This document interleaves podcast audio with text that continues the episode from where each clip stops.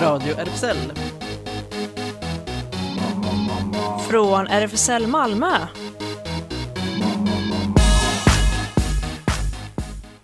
Ja, välkomna till ännu en sändning av Radio RFSL som eh, är ifrån Riksförbundet för homosexuellas, bisexuellas, transpersoners och queeras rättigheter. Idag eh, sitter Sofia bakom tekniken. Vi har Ellen med oss i studion. Här är jag. Och sen har vi också med oss Betlehem på telefon. Hallå, här är jag. Hej! Betlehem kommer vara med hela sändningen också på telefon. Ellen, vad ska vi prata om idag? Idag ska Betlehem prata om intersektionalitet. Och sen, det alla har väntat på, andra delen av Eurovision under regnbågen. Och så har vi såklart eh, mycket nyheter och eh, evenemangstips. Mm. Ska vi eh, kicka igång det här kalaset med eh, en liten låt? 040 av Julie Chicane. Min stad det got me Det är klart jag är kaxig 040 det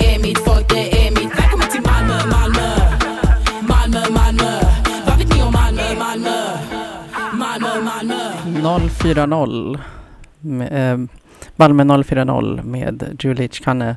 Eh, har ni sett musikvideon Nej. till den? Nej. Har du Nej. sett? Oh, jag rekommenderar och eh, jag kan säga för egen del att den spär ju verkligen på min redan eh, starka lokalpatriotism. Mhm. Jag är väldigt glad över att bo här. eh, men Betlehem, eh, du ska prata om interse- intersektionalitet. Mhm. Eh, berätta. Ja, alltså intersektionalitet eh, handlar ju om intersektioner och på svenska är det ju eh, alltså in, intersections är ju vägkorsningar. Du är bättre än, än mig på engelska Ellen, men eh, vilka korsningar som möts beroende på din etnicitet, eh, klass, din läggning eller om du kan ha, om du har eh, vissa eh, fysiska eller psykiska funktionsvariationer. Och i vilken, alltså, i vilken typ av, vad ska man säga, nivå eller ställning du har i samhället kan, eh, vi, alltså kan visa sig på grund av de eh, grejerna eller egenskaper eller det du bär på eller hur du ser ut. Och att vara kvinna är ju en sån sak. Att vara homosexuell är en sån sak och att, eller att vara hbtq plus person är verkligen en sån sak. Eh, och då i, inom intersektion, intersektionell feminism så pratar man ju om hur de här olika eh, grejerna man bär på korsar varandra. Och hur det då påverkar alltså, dina möjligheter och även dina förutsättningar. Vare sig det är utbildningsmässigt, ekonomiskt, allt sånt påverkas på grund av, att den, på grund av den du är. um, och det du har i ditt bagage eller det du är född med. Det du inte kan styra över. Um, och det här begreppet uh, myntades av uh, Crenshaw, jag minns inte hennes förnamn, men hon är en svart kvinna som är eh, i grunden advokat eller ja, jurist från början. Eh, och hon myntade det här begreppet då när hon studerade hur eh, ett företag hade sparkat kvinnor eh, eh i USA under 70 och 80-talet. Eh, och då var det svarta kvinnor som det här företaget sparkade då. Eh, och då. Och då började de eh, vad heter det, protestera mot det här företaget och, säger liksom, och sa liksom att ni sparkar oss inte bara för att vi är kvinnor men för att vi är svarta också. För det var inga vita kvinnor som sparkades, det var inga svarta män som sparkades. Det var inga vita män som sparkades utan det var enbart svarta kvinnor. Eh, men då dömde eh, eh, domen dem för att, inte kvinnorna, alltså, men det här företaget dömdes för att ha diskriminerat de här kvinnorna just på grund av att de var kvinnor. och inte för att de var svarta och kvinnor. Eh, men hade det bara handlat om kvinnor så hade man ju också kunnat sparka liksom, vita kvinnor, men det gjorde man ju inte. Eh, så, det hela, så det är intressant att betrakta det här, för det har ju alltid funnits, de här intersektionerna eller vägkorsningarna har ju alltid funnits. Men det är bara det att man kanske inte har pr pratat om det. Nu börjar man göra det, alltså teoretiskt i alla fall. Men det är många som eh, liksom tror att, man, att det här fortfarande är hittepå, men så är det inte. Mm. Mm. Vad tänker du att eh, vi kan använda en sån här flerdimensionell maktanalys? Alltså, ö, alltså överallt. Alltså jag tänker också på arbetsplatser, bostadsmarknaden. Eh, alltså hela samhället behöver ju använda sån här maktanalys just på, för att det, det blir också lättare att identifiera vad är det som behövs här och vad beror det på? Att man ställer frågor till varför anställs inte kvinnor här? Varför anställs inte, varför finns det inte människor med funktionsvariationer så brett på arbetsmarknaden? Varför är det så? Och vilka funktionsvariationer är det som till, tillåts? Är det de fysiska, de psykiska? Eh, för då, det som inte syns kan ju också påverka en människa. Och det kan ju också eh, på ett sätt eh, styra hur du blir behandlad. Så jag menar, det behövs en grov, grov, grov sådan maktanalys. Men sen kom det ju en rapport om afrofobi. Jag tror det var 2017. Uh, eh, och där, är ju, där använder man ju, upplever jag, intersektionalitet för att eh, de var gjorda av Victoria Caveta och Tobias Hübinette bland annat. Men där, ah, där sa man ju att eh, svarta svenskar diskrimineras på arbetsmarknaden eh, och man hittar sällan svarta chefer eh, och om de är det så har de liksom en PhD, om inte en dubbel sådan. Så det, det är väldigt mycket för att en svart person ska nå samma position, om de ens kan göra det, så ska de ha en hög, hög, hög utbildning som den, deras vita motpart inte behöver ha. Mm. Jag har också sett eh, andra reportrar. Jag tror eh, dels ehm, eh, mer som Tobias Hübinette eh, som du nämner och, och Victoria Kvesa eh, har skrivit där det också framgår, eh, förutom det här som du sa att det kan vara svårt att ens uppnå de här positionerna även om man Mm. som svart är högutbildad. Men att det också är mycket högre andel eh, högutbildade svarta som överhuvudtaget inte jobbar inom, inom sitt, eh, om det är ett forskningsområde, utan kanske ändå kör taxi eller så jämfört, jämfört med, med vita då. Eh, Mm. Att vita, eh, dels förutom att det är större sannolikhet att vita når de här positionerna, men att eh, vita som är högutbildade jobbar med största sannolikhet inom det de är utbildade till. Mm, exakt.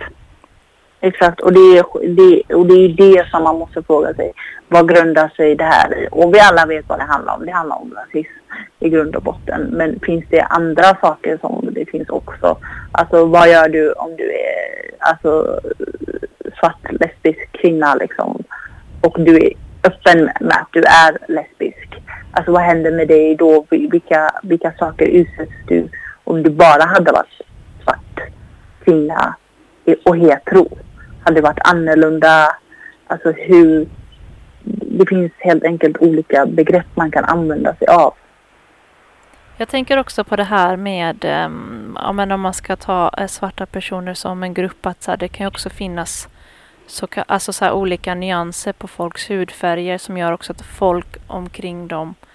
Eh, alltså det finns det här att eh, väldigt många på tv till exempel har liksom en ljusare nyans av svart versus Mm. de som är mörk, väldigt mörka kanske inte syns lika mycket. Och Mm. alltså så här, då kanske man kategoriseras ändå som svart såklart men inom det kan det också finnas väldigt stora skillnader beroende på hur man faktiskt ser ut. Mm, absolut. Du menar kolorism eller? Ja, precis. Mm, mm, definitivt. Alltså, jag märker, alltså jag har ju fått, alltså jag har ju förstått att av mina alltså, vänner som är mycket mörkare än mig, alltså så har jag ibland lärt mig att backa. Alltså och inte prata för deras skull i vissa saker för att det, det har liksom varit så här, men du förstår inte hur det är. För att jag kanske har andra drag eller för att jag har ljusare hy. Men det är också ett, det är också ett problem som jag tror många svarta kanske inte tar i, upplever jag. Nu börjar det bli så. Men allt grundar ju sig i att, att när, det var, eh, när det var kolonialtiden så eh, värderade man ju ju ljusare man är desto närmare vithet. Mm.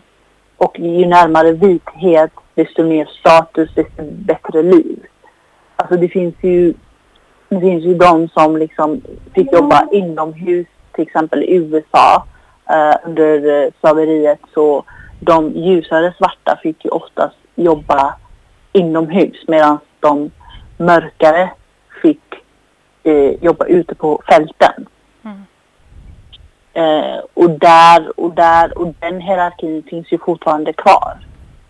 Och den pratar man ju inte om. Och sen också när man pratar om afrikaner så är ju liksom vissa östafrikaner, jag är ju från Östafrika från början, där, där, där man anser kanske att man är lite bättre mm, än andra svarta för att man har andra drag, man är ljusare. Och så å andra sidan har vi liksom också västafrikaner eller mellanafrika där man bara, ja men inte riktiga afrikaner. Men det här grundar sig fortfarande i kolonialismen. Det grundar sig i att ljusare, ju, alltså ju, ju mer drag från det som kallas för vithet eller västerlänningar, desto bättre är det. Och så finns det också forskning som har visat att ljusare svarta får ju ett lätt, alltså inte lättare, men du, du blir ändå lite bättre behandlad kanske. Jag säger inte att det alltid är så, men det finns exempel på att det kan vara så. Jag vet också, jag har sett forskning på att det finns eh, din eh, eh, chans för att få till exempel ett jobb och bli bemött på ett mycket trevligare sätt ökar också ju smalare du är. Så att om man är... Ja, det, eh, kan och- jag, det kan jag tänka mig. Mm. Och det, Ja. det gäller ju alla grupper då. Men så med intersektionalitet tänker jag att då, då har du både eh, om du är då liksom överviktig och sen ehm, har du liksom också kanske är svart och eh, Mm. ehm, kanske funktionsvarierad så Mm. kan man... Oj, då, är, då har du alla odds mot dig. Ja, tyvärr. precis. Alltså, ja. Mm. Det är det också. Ja, exakt. Det här med kropp tar de ju också upp, intersektionalitet. Att liksom, ja, som du säger, att kroppen har jättemycket med det att göra. Ju smalare desto bättre. Alltså det är helt, helt enkelt den här idealiserade kvinnan som man har- alltså den här bilden av en, av en, av hur kvinnor eller en kvinnokropp ska se ut. Alltså den finns ju också överallt. Mm. Och den påverkar ju hur vi blir bemötta. Precis. Eh, jag tänkte på,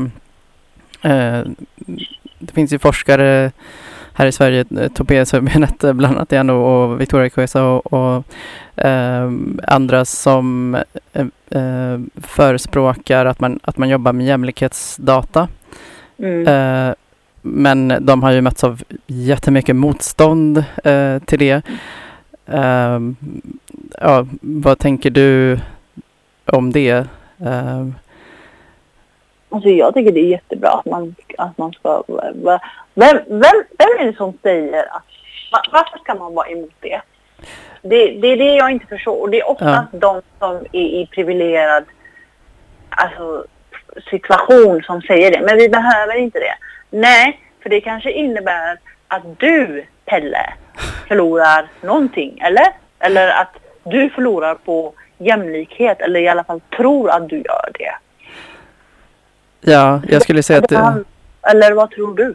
ja, det är precis mitt intryck att motståndet kommer ja, företrädesvis från vita som eh, egentligen ytterst vill behålla den, eh, eh, samhällsordning vi har nu, eh, Mm. skulle jag eh, tro. Men eh, väldigt ofta, och du har säkert hört de här argumenten också, att ja, men om vi börjar använda de här eh, kategorierna och, och prata om hudfärg och fysiska attribut så, eh, så spär vi bara på eh, rasismen. Ja, sådär. Det är liksom klassiska sådär, liksom att om vi... det, det bästa är att inte nämna det. Ja, jag, min reaktion är som din nu, att skratta åt det. Och, ja, Ja, precis. Jag menar, Men- vad menar du? Alltså, när man gör det, det, det de här människorna inte förstår är också typ så här. Ja, fast genom att ignorera allt det där så alltså, iggar du också de problem som kommer med det. Alltså det är klart vi alla vill leva i en sån värld. Det, där ingen ser någonting. Hudfärg, hårfärg, ögonfärg. För let's det där spelar egentligen ingen roll. Vi alla vet det. Vi alla vet att vi blöder, alla blöder liksom rött. Alla vet det. Men, men vi, det, är inte, det är inte en sån värld den västerländska så kallade civilisationen har skapat. Utan något helt annat. Och vi får leva av dem. På, alltså, vi får leva med de konsekvenserna just nu. Och därför blir jag chockad, varje, eller inte chockad, jag blir så här bara, oh, please. Alltså varje gång någon bara, nej men, nej men jag, jag, jag tycker inte Jag tycker alla människor är lika värda. Ja, ja, jag förstår det Anna-Karin, men vi är inte så nu. Så nu får vi arbeta och identifiera de problem som finns som gör att alla människor inte behandlas lika eller inte får samma möjligheter och förutsättningar. Mm. Ja, just det. Eh, alltså en sak som, som en jämförelse också som jag har hört ofta är att eh, ja, men vi, eh, vi kan ju inte ha det som i USA där, där eh, människor eh, kategoriseras på det där viset. Eh, men i de här censusundersökningarna så har ju folk fått själva välja Mm. Så det är ju själv, självidentifiering och det finns jättemånga kategorier och man kan också själv skriva till, alltså om man inte tycker att någon av de förvalda 14-15 stämmer på en själv så kan man också skriva till. Ehm, Så att det, det bygger på, på självidentifiering. Eh, Mm. Så ehm, Precis. Identifiera själv vad du kan göra. Mm. Ska vi ta lite musik på det? ja, Yes.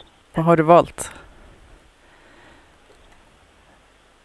One Minute Man va? Bethlehem Ja. med Missy Elliott. Var det, var det jag som valde den? Ja, det var det. Vi skyller hur som helst på dig oavsett. Ja, ja, kör på.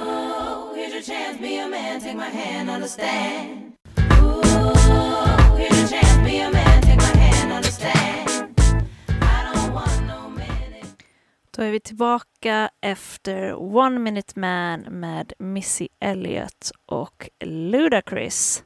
Och då eh, går vi vidare till eh, segmentet som alla har väntat på. Eurovision under regnbågen del 2.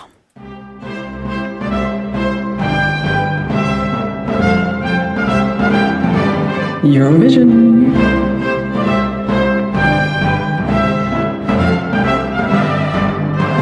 Under regnbågen. Välkommen tillbaks igen Tobias Larsson till vår fantastiska radioserie vi har här om Eurovision under regnbågen. Tack ska du ha. Det känns jättebra att vara tillbaka. Och hur fortsätter vi nu? Vi slutade 1961, förra Mm. programmet. Eh, Vi var ju sådär att vi lät den här början ta lite plats. För jag tycker det är lite viktigt att måla upp det här, att liksom hur, hur det var på den tiden. Att homosexualitet fortfarande var kriminaliserat i majoriteten av deltagarländerna och så vidare. Det fanns ingen stor förståelse för hbtq-frågor överhuvudtaget, om det överhuvudtaget var en fråga. Eh, för de allra flesta var det ju inte det. Eh, nu tänkte jag att vi skulle ta ett lite bredare hopp idag och hoppa ganska snabbt framåt i tiden. Vi börjar på 60-talet och så biter vi av en bit av 70-talet också.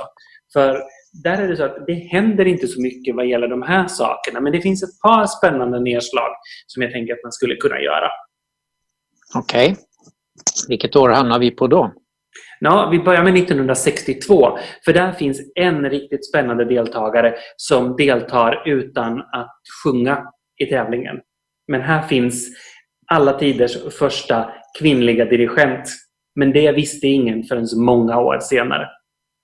Åh, oh, första transpersonen. Ja, 1962 eh, så ställde Storbritannien upp med ett bidrag som heter Ring it in Girl framför av Ronnie Carroll. Det är en så här halvdan låt som så här, riktig, den låtsas vara en poplåt fast den inte riktigt är det. Och det enda som är intressant med den är Angela Morley som dirigerar orkestern. Angela Morley var en otroligt framgångsrik orkesterledare med eget band um, och skulle senare bli en otroligt framgångsrik um, arrangör och kompositör av filmmusik, uh, både för film och för TV. Och hon är då framförallt den första transpersonen som, som vi känner till som har en framträdande roll i Eurovision Song Contest. Kul!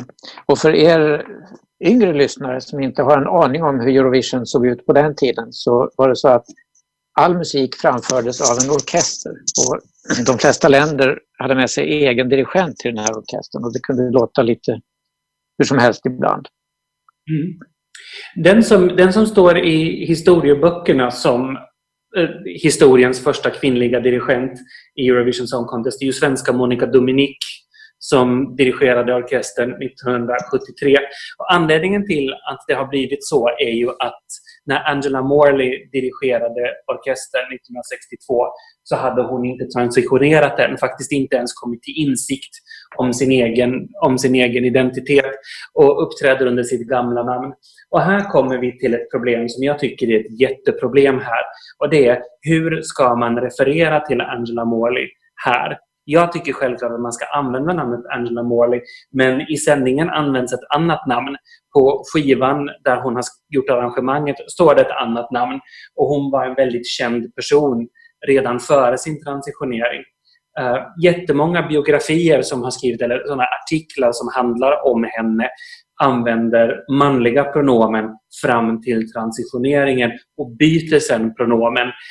Vilket är, tycker jag är ett väldigt gammaldags sätt att göra det på. Jag känner mig inte riktigt bekväm med det. Men det är svårt att referera till Angela Morley 1962 när ingenting tyder på att den här personen skulle vara Angela Morley. Om du förstår vad jag menar. Mm. Nej, det är knepigt. Alltså historia är jobbigt ibland. Ja, det är det verkligen. Vi kan ju lyssna lite grann på Ring a Ding Girl för det är ett fint arrangemang även om låten är lite tråkig.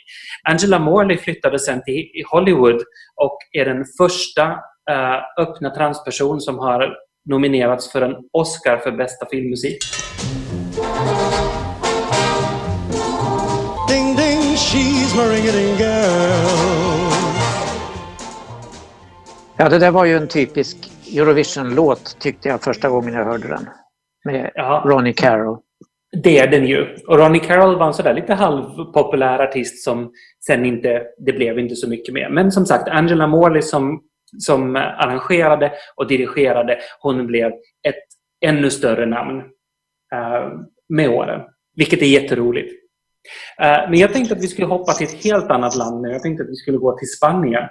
Och här kommer en sån här sak som egentligen är en liten utvikning. Jag skulle vilja prata lite om Rafael som var en av de största popstjärnorna i Spanien på 60-talet. Han är faktiskt fortfarande ett jättestort namn i den spanskspråkiga världen.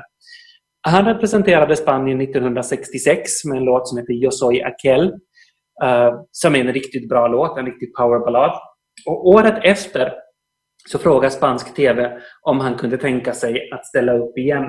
Och också för yngre lyssnare. Så Spanien på den här tiden var ju alltså en fascistisk diktatur under general Franco. Och här förtryckte man alla minoriteter, språkliga, etniska, sexuella, you name it.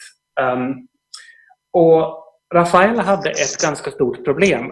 Precis som vi pratade om i förra programmet, så han var inte den här typiska machomannen, utan han var en ganska finlämmad ung man som gestikulerade mycket och var väldigt uttrycksfull i ansiktet. Och Det gick väldigt vilda rykten om att han skulle vara homosexuell. Det är han inte mig veterligen. Jag skulle aldrig ha sett något belägg för att Rafael skulle vara homosexuell. Men blotta misstanken var tillräckligt för att ödelägga en karriär i Spanien på 60-talet. Så Rafael var så beroende av spansk TVs stöd. Så när de frågade en gång till, fast han inte ville ställa upp igen, så vågade han inte säga nej. För han var så rädd att cheferna skulle bli arga på honom, överge honom och att hans karriär skulle vara slut och i förlängningen kanske till och med hela hans liv och tillvaro. Så han tvingades ställa upp en andra gång bara för att se till att ingen spädde på de här ryktena om hans påstådda homosexualitet. Ah, vilket öde! Ja, det blev ju inte tillåtet i Spanien att vara homosexuell förrän 1979. Nej. Så... Men Rafaels karriär har ju överlevt. Det är som sagt fortfarande en av de spanskspråkiga världens största stjärnor. Den titel du nämnde nyss, som han sjöng tidigare, så vitt jag förstår med min dåliga spanska så betyder den Jag är en sån där. Ja, eller jag, eller jag är han, eller jag, jag är den. Det är en väldigt heterosexuell text också. Också ja. lite tveksam måste jag säga. Men däremot hans andra, hans andra text, hans andra låt som han ställde upp med året efter, Ablemos del amor, låt oss prata om kärleken. Den handlar om att vad bryr vi oss om alla de här människorna som tittar på marken och bara ser marken?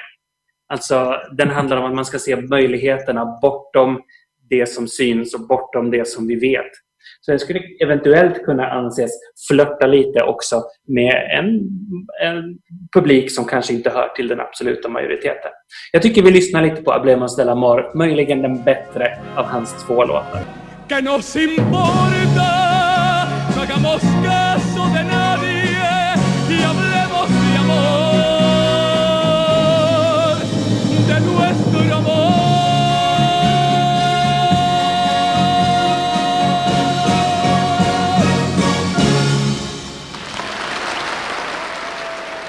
Ja, det var Rafael där med Låt oss tala om kärlek. Vi vandrar mm vidare i Eurovision-historien, Tobias, här i Radio RFSL. Ja, med en till som gärna pratar om kärlek, Patrick Juvet. Eh, en ung, vacker schweizisk man som... Han var så slående vacker så han blev erbjuden jobb som mannekäng som det hette på den här tiden. Nu pratar vi tidigt 70-tal. Och på en fest någonstans så blev han introducerad för en skivbolagsdirektör som sa att du ser så bra ut, kan du sjunga? Och Patrick Juvet sa att ja, lite grann. Och så fick han skivkontrakt. Och så blev han en stor flickidol hemma i Schweiz och i Frankrike och fick en ganska stor publik i den franskspråkiga världen. Och 1973 så representerade han Schweiz med Je vais me marier Marie. Jag ska gifta mig Marie. Ytterligare en sån här mycket heterosexuell sång om att man ska hitta sig en partner och skaffa familj och barn och så vidare. Ingenting som utmanar gränserna speciellt mycket. Men med åren så skulle Patrick Juvet eh, växa till sig och bli en ganska dekadent disco-diva, skulle man kunna säga. Han var en av den europeiska discons stora stjärnor eh, med låtar som Lady Night och Ozon les Femmes. En helt fantastisk uppenbarelse. Och då, till skillnad från när han tävlar i Eurovisionen, så kostar han på sig att vara riktigt androgyn och väldigt sådär sexuellt utmanande. Eh, I sina memoarer många år senare så kom han ut som bisexuell och säger att från hans synvinkel vad gäller bisexualitet så har ingenting hänt på de 40 år som han har vetat att han varit bisexuell. Han säger att folk verkar lika korkade vad gäller bisexualitet nu som de var i början på 70-talet. Att folk allt för ofta låtsas att bisexuella inte finns eller att de bara gör sig till eller att de bara låtsas. Eh, så han har inte så mycket gott att säga. Han tycker att homorörelsen har glömt bort de bisexuella. Vilket väl stämmer ganska långt. Tyvärr måste jag ge Ja, det stämmer ju, stämmer ju fortfarande i princip. Ja, verkligen. Men jag tycker vi lyssnar på Patrick Juvet när han är ung och söt 1973 och sjunger att han ska hitta sig en Marie som eller att han ska hitta sig en flicka och gifta sig med och lämna Marie och de andra flickorna bakom sig. Men det gör vi. Och sen tackar vi för den här omgången Tobias. Vi hörs igen nästa program. Det gör vi. Vi hörs!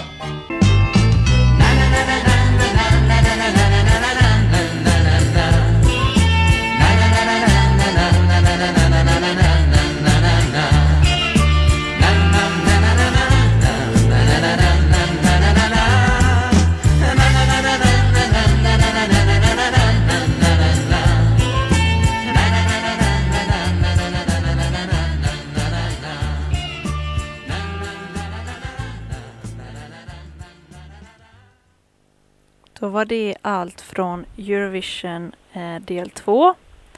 Det kommer ju en del 3 också nästa vecka. Så då får man hålla ut tills dess. Eh, då går vi över till nyheterna. Det är eh, ännu ett hbtqi-projekt som har plockats ner från São Pauli kyrka i Malmö. Det berättade Sydsvenskan i söndags. Det är konstnären Ilar Gunilla Persson eh, som misstänker att det beror på homofobi. Samtidigt varslas en av prästerna som beställt utställningen och kyrkan stängs tillfälligt ner. Kyrkans ledning ger olika förklaringar. Beslutet verkar ha tagits av den pensionerade kyrkoherden Per Svensson med stöd av vikarierande kyrkoherden Kent Karlsson och kyrkorådets ordförande Claes Block. Eh, det ger, det ger alla olika förklaringar till varför utställningen stoppades, men enligt handlingar och protokoll som Sydsvenskan tagit del av stämmer ingen av dessa förklaringar. Redan för ett år sedan tog eh, prästen Sofia Tunebro och Helena Myrstener kontakt med fotokonstnär, fotokonstnären Ilar eh, Gunilla Persson för en utställning i samband med Malmö Pride. Eh, och den skulle ha öppnats den 7 juni i år men eh, ett par dagar innan fick konstnären besked om att det inte kommer bli någon utställning utan någon närmare förklaring. Eh, vi kommer lägga upp en länk till den här artikeln eh, på Sydsvenskan. RFSL har nu startat en namninsamling för en human migrationspolitik. Detta i samband med att den parlamentariska kommittén som regeringen tillsatt kommer med mycket långtgående förslag som försvagar asylrätten och som slår hårt mot utsatta och sårbara grupper såsom hbtqi-personer. Parlamentariska kommittén har sitt sista möte den 23 juli och presenterar hela sin utredning den 14 augusti. RFSL ställer vissa krav till regeringen och den parlamentariska kommittén baserat på hur utredningens förslag ser ut och främst på hur detta drabbar hbtqi-personer och andra sårbara grupper. Gå gärna in på sajten för att läsa mer och för att skriva under. Vi lägger upp en länk. I Norge meddelade regeringen i söndags att man i fortsättningen inte bara tänker prioritera kvinnor och barn vid flyktingmottagningen utan även specifikt hbtq-personer. Detta gäller för de så kallade kvotflyktingarna där Norge under 2020 beräknas ta emot 3000 personer. Och den nya prioriteringen motiveras med den alltmer försämrade situationen för hbtq-personer i de delar av världen flyktingarna kommer ifrån. Den thailändska regeringen har nu presenterat ett lagförslag om registrerat partnerskap. Ett partnerskap som fullt ut likställs med äktenskap. Partnerskapet ska ingås av samtyckande över 17 år. Utformningen blir enligt Bangkok Post samma som för heterosexuella äktenskap med gemensamt ägande, möjlighet att prövas för adoption och möjlighet till närstående adoption. Samma arvsregler som gäller för heterosexuella par ska även gälla för samkönade. Om lagförslaget godtas av parlamentet blir Thailand det andra landet i Asien att erkänna rätten för samkönade par att gifta sig efter Taiwan. Förra veckan berättade vi om den omröstning som höll på att avslutas i Ryssland om den föreslagna grundlagsreformen. Och I torsdags kom beskedet. Väljarna sades ha röstat igenom förslaget. Enligt den ryska valkommissionen fick grundlagsreform ja från drygt eh, 77 procent av väljarna. En siffra som oberoende bedömare ställer sig kritiska till. Förutom att Putin nu, om han själv vill, kan väljas kvar som president fram till 2036 så innebär lagändringen bland mycket annat att äktenskap nu enbart kan ingås mellan en man och en kvinna. Ryska lagar förbjöd sedan tidigare samkönade äktenskap och adoptioner av samkönade par, så det är inget nytt. Men ändringen ses som ett viktigt statement mot hbtq-personer i Ryssland när det nu skrivs in i konstitutionen. Under försommaren har det kampanjats friskt för Putins planerade ändringar och homofobin har flödat fritt i valpropaganda, skriver QX. I höst startar inspelningarna av filmatiseringen av Magisterlekarna. Kristoffer Folkhammars erotiska queerroman som utspelar sig i skolmiljö. Ylva Forner regisserar och Sofia Ferguson är producent och som magistern ser vi Johan N. Christian Arnold är Charles i rollen som Tim. Eh, filmdebuterar eh, Simon Kling och som, och som Paul ser vi Johan Charles. Ja, regissör Ylva Forner blir blixtförälskad i romanen Magisterlekarna om ett läroverk med enbart bögar som kom ut vintern 2015. Läs mer om detta spännande projekt i QX. Och vi lägger ut en länk till eh, den här artikeln också. Nu blir det lite musik. Nike Tix med YNG Martyr. Ain't no killers, I'm just killing all these beats. Stay dripped to the feet, night ticks on fleet. Fuck with it, fuck me, fuck surely, fuck free. Ain't no killers, I'm just killing all these beats. Ain't no killers, I'm just killing all these beats.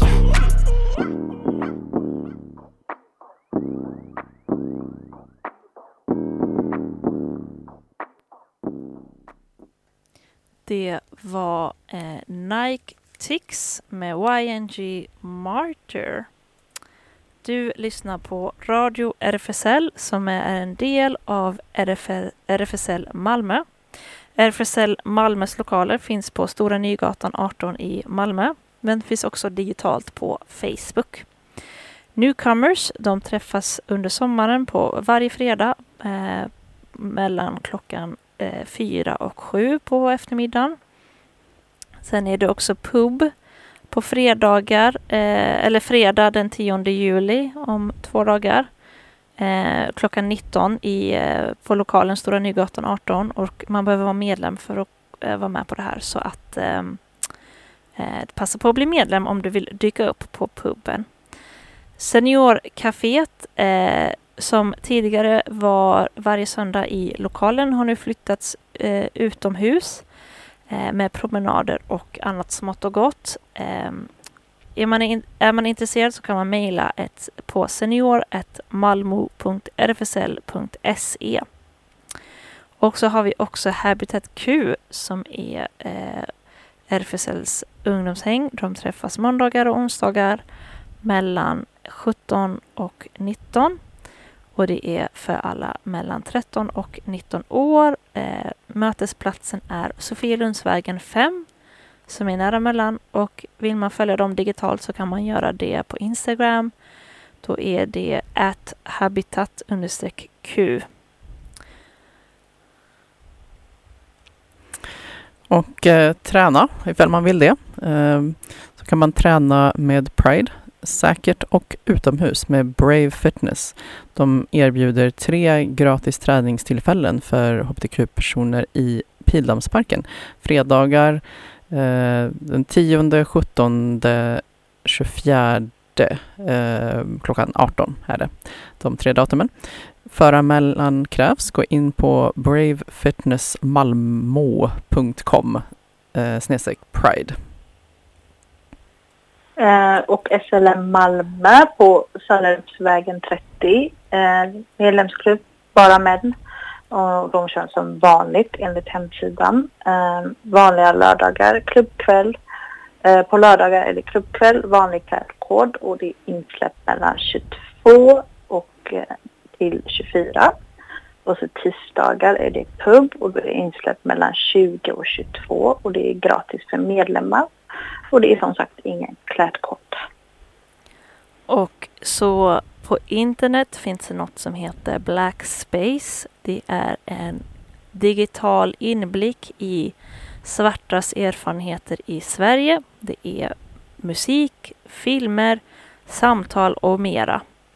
Eh, här kan man gå in och eh, lyssna och observera på om eh, den kulturella eh, impact eh, av eh, ehm, människor som eh, är ehm, i samhällets utkant. Eh, och eh, det, premiären är 4 juli, så det är ju redan passerat. Så vill man gå in så kan man göra det redan nu. vi kommer lägga ut en länk till den här sidan på vår eh, Facebook. Och vill man ha lite mer radio eh, finns Raseriet, podden med Ami och Fanna. Eh, podden med Ami och, eh, Ami och Fanna är Samtalspodden där kusinerna Ami Bramesey och Fanna Ndom Norby avverkar ämnen som är kopplade till populärkultur, relationer, rasism. Ja, deras vardag helt enkelt. Ja, och eh, vill man kolla på lite perspektiv som diskuterar, de diskuterar mixad eh, på torsdag, nu på torsdag 19 till 20.30. Och detta är då en online-händelse. Och det, det här är ett nytt samtalsprogram med People of Color. Och det är live på Twitch, Twitch varje torsdag klockan 19 med gäster. Uh, och varje vecka är det nytt ämne, nya samtal och nya perspektiv. Och denna vecka ska de diskutera mixad, vilka motgångar, um, samhörighet, mellanförskap bland vita som svarta, vilka termer att kalla mixade är okej okay och inte. Uh, hur är mixade personer privilegierade jämfört med svarta? Hur stor påverkan har föräldrar till mixade barn? Och det är gästerna kommer att vara Cindy Akush Thorén, Chantal Narkozy And Andreasson och Robin Tri Tribal. Ja, det kanske sa fel. Eh, och då kan man gå in på eh, twitch.tv slash privatversion eh, och så kan man bara luta sig tillbaka och kolla på livesändningen. Det tänkte jag faktiskt göra. Mm. Mm. Man kan också lyssna i efterhand. Man kan det va? För jag Ja. missade förra veckan. Ah. Ja, man kan lyssna. Jag tror att det här blir eh, fjärde, eller vet du Bertlem, eh, fjärde Eh, samtalet. jag tror det är fjärde samtalet. Ja. Ja. För jag missade förra veckan också. Ja, men man kan lyssna på de tre föregående nu. Finns de upplagda också. Men vadå, på eh, Twitch? Eh, det, ska finnas länkar på eh, bland annat Facebook-sidan Mhm. Perspectives. Mm. Eh, finns det länkar till eh, föregående samtal. Då får vi helt enkelt gå in och titta på det. Eh, inom den riktiga, ute i den riktiga världen eh, så är det mesta inställt, speciellt på Malmö stadsteater, Malmö opera och eh, de flesta biograferna. Jag såg faktiskt att Panora ska ha lite visningar i början av augusti. Och det är ju rätt snart. Eh, så att eh, man får hålla ögonen öppna där och se vad som händer. Men vill man se lite digital teater så finns det två föreställningar från ehm, eh, Malmö stadsteater. Den ena är All We Need Is Love som finns digitalt och, och teatern Sex killar, sex liv och lika många berättelser. Var det kärlek? Ja, förlåt, det här var ju All We Need Is Love som handlar om sex killar och sex liv och ehm, lika många berättelser. Och den andra föreställningen är eh, Prekariatet som Ellen såg live innan corona slog till och stängde ner allt. Precis, jag rekommenderar. Jag och Jonas var och såg den. Mm. Och det finns en recension långt tillbaka i arkivet som man kan söka på Prekariatet i våra sändningar så kommer det fram. Och jag har också sett den faktiskt digitalt och tyckte att eh, det funkade jättebra, säger den digitalt och den är jättebra. Jaha. Så jag rekommenderar. Ja, men eh, är det någon annan som har något så spontant och vill tipsa om? Eh, alltså, för de som har tillgång till eh, HBO, tror jag att det är, eh, så kan jag rekommendera en eh, serie som heter What We Do In The Shadows som eh, är hilarious enligt mig. Eh, den, eh, och eh, ganska queer också. Eh, den, eh, har, har du sett den, Betlehem? Nej, jag har inte sett det, men jag känner igen namnet. Ja, Uh, avsnitten är väldigt korta. Det finns två säsonger ute nu och det är kanske, ja, det som det blir, avsnitten är kanske 20 eller 30 minuter långa men man följer um, den är, den är gjord som, eh, om ni tänker så här, The Office, alltså så här dokumentär. Det är Ah. um, ett, ett, ett vampyrkollektiv, alltså de är vampyrer som, är, som, som bor tillsammans i ett hus. De har gjort det i, i, i flera hundra år, eh, för att alla är typ 700 år. Eller så.